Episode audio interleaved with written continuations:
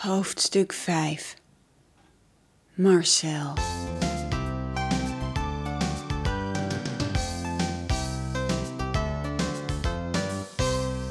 Dit is Marcel. Hij is 45 jaar en heeft een relatie met een boom. Voor Marcel is dit een dubbel moeilijke tijd. Zijn relatie staat onder grote druk door twee duivelse plagen van zijn geliefde natuur. Waar zijn we nu, Marcel? Nou, we zijn hier dus in uh, het Krommekakkerhout. Een natuurgebied vlakbij mijn huis. En dit is Nanook, mijn vriendin. Uh, zoals je ziet is Nanook dus uh, een eik. Goh, dat zie je niet vaak. Nee, dat zie je niet vaak. Daar ben ik me van bewust. Eigenlijk niemand in mijn omgeving uh, snapt het echt. Maar ik ben niet de enige hoor. Er zijn een paar honderd eco-fetischisten in Nederland. Dan vind ik dat een beetje een oneerbiedige term eigenlijk.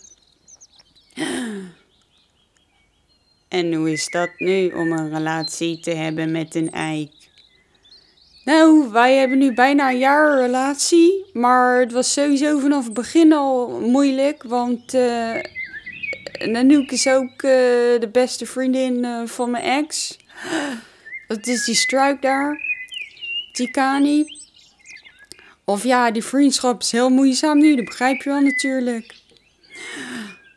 Die staat heel dichtbij. Die struik. Ja, maar gelukkig heeft Nanook best wel een lekkere dikke stam. Dus in het begin blijf je dan gewoon aan de andere kant staan. Maar als je dan per ongeluk toch ziet of hoort, uh, Tikani, ja, dat is dan meteen heel pijnlijk. Want dat is ook uh, hoe het gebeurd is, uh, zeg maar. Hoe is het dan gebeurd?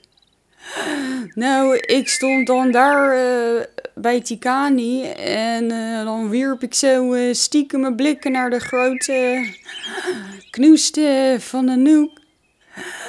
Nou ja, en op een avond in de schemer, ik wil naar huis gaan, maar ik loop zo heel uh, dicht langs Nanook en uh, ik passeer haar uh, en ik wil doorlopen, maar dat schors, die ene uitstekende wortel bij de stam, dat, dat, dat plekje mos op de onderste tak.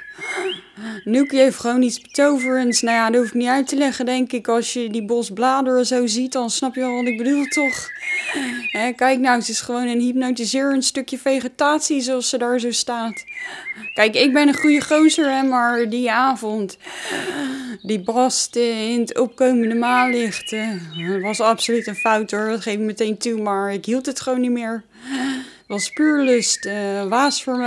Ik heb uh, al mijn kleren uitgegooid. Ik ben naakt in er geklommen en uh, mag ik dat zeggen nu? Ik weet niet wat je wil zeggen. Nou, ik heb gewoon een van de jonge strakke takjes afgebroken en bij mezelf ingebracht. Als je goed kijkt zie je daar waar ik toen klaargekomen ben nog een groepje paddenstoeltjes staan. Mooi hè? Het was heel opwindend, althans voor mij dan. Bij bomen weet je nooit zeker of zij er ook wat aan vinden. Nou ja, goed, dus het begint allemaal stiekem, maar er komt een moment, je kunt niet eeuwig aan de andere kant van die bas blijven friemelen. Ze begon ook een beetje een slijpplek te krijgen aan die ene kant en uh, je bent verliefd, je wil ook door. Maar uh, ja, dat werd dus allemaal heel pijnlijk, want die andere stripe daar, uh, naast Tiki, dat is dus haar zus, Tanana. En dat is echt een secret hoor. Kijk, tussen de struik en mij was het al heel lang op. En dat wist zij zelf ook wel. Maar Tanana die zit dan dus de hele dag haat te zaaien.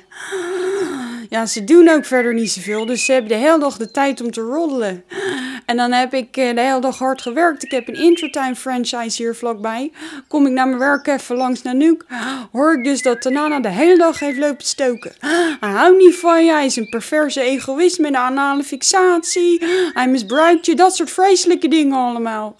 Ja, een hulstem met van die kartelige bladeren en van die giftige rode besjes. Nou, dan weet je het wel.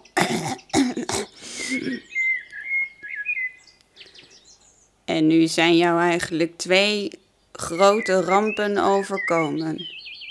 Ja, nou ten eerste sinds uh, die pandemie zeg maar uh, wandelen mensen veel meer. Je mist gewoon echt een stukje privacy als je samen bent, want mensen begrijpen het niet hè. Ja, en er zit ook gewoon echt een stukje schaamte van mijn kant. En het helpt natuurlijk ook niet dat Nanook best wel dicht bij het pad staat. Ja, daar kies je niet voor als boom. Maar het is ook wat er allemaal gebeurt als je er niet bent. om maar een voorbeeld te geven, vorige week kwam ik hier. En had iemand uh, tegen Noekie aangeplast. Ja, Tanana lachen natuurlijk. Haha, er is de hele week geen regen voorspeld. Karma, karma. Het is kutstruik hoor. Als je bomen gaat uitlachen dat er over je heen geplast is. Nou, ik zeg eerlijk, toen heb ik er wel even over gedacht om eruit te graven en er gewoon bij de milieustraat te dumpen. Maar zo ben ik niet, het blijft wel je ex-schoonzus.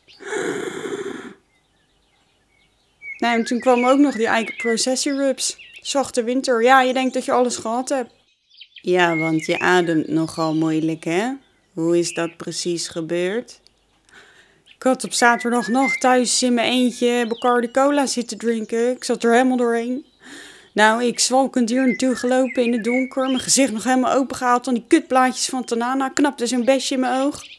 Maar goed, het was uh, te donker om iets te zien. En ik was eigenlijk ook te zat om iets voor elkaar te krijgen. Maar gewoon even in mijn blootje tegen haar aan gaan staan. Gewoon even weer die verbinding voelen, weet je wel. Even dat uh, huid-op-bastcontact voor de intimiteit is dat gewoon heel erg belangrijk. Maar daardoor had ik dus helemaal niet door dat heel de schorsel helemaal onder zat. Met die rupsen. Ik zeg nog, je tintelt helemaal noekie. Op dat moment voelde het weer even helemaal goed. Nou, lang verhaal kort, een paar uur later sta ik bij de dokterspost. Voel je je al schuldig omdat ze allemaal van top tot teen in die beschermende pakken zitten? Kom jij daar met je lul onder de rupsenharen? En die man, ja, die moet toch weten hoe het kan dat ik midden in de nacht van top tot teen onder zit. Heel mijn keel ook vol. Ik kreeg toen bijna geen lucht meer.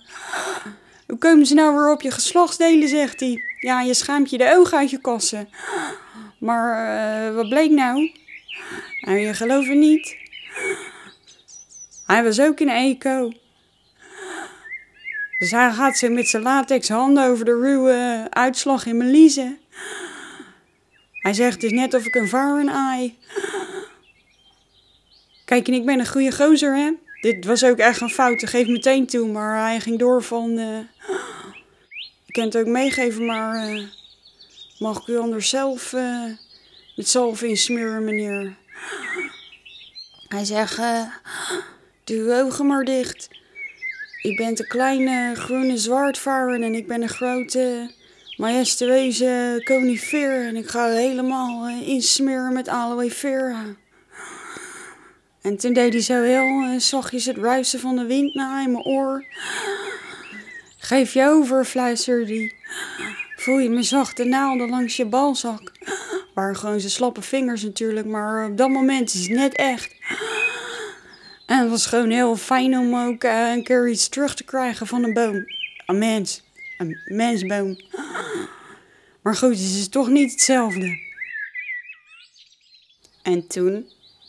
Ja, ik heb dan ook opgebiecht, maar ik denk nu dat ik dat niet had moeten doen.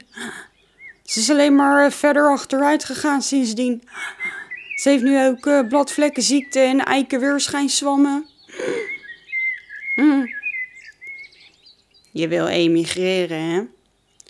Kijk, over mezelf wil ik niet klagen. Ik heb er zelf een potje van gemaakt. Voor mij is het gewoon ook uh, nu uh, echt te confronterend om hier te blijven. Maar voor andere eco's wil ik wel ook echt even aandacht vragen. De meeste van ons willen naar Alaska. Daar is gewoon meer ruimte om een fijne, rustige relatie met een grote Sitkaspar uh, op te bouwen of zo. Of uh, gewoon uh, gezellige ratelpopulier. Kijk hier met al die mensen en die rups. Het is gewoon niet te doen. Ik vraag gewoon laat ons gaan. We zijn hier niet gelukkig. Maar ja, we zitten hier gevangen. Je kent die vliegen niks. Maar uiteindelijk denk ik wel dat ik hier sterker uitgekomen. Ik heb harde lessen geleerd en uh, straks als ik opnieuw ga beginnen, ga ik alles goed doen. nee, maar echt, uh, ik, ik ben een goede gozer.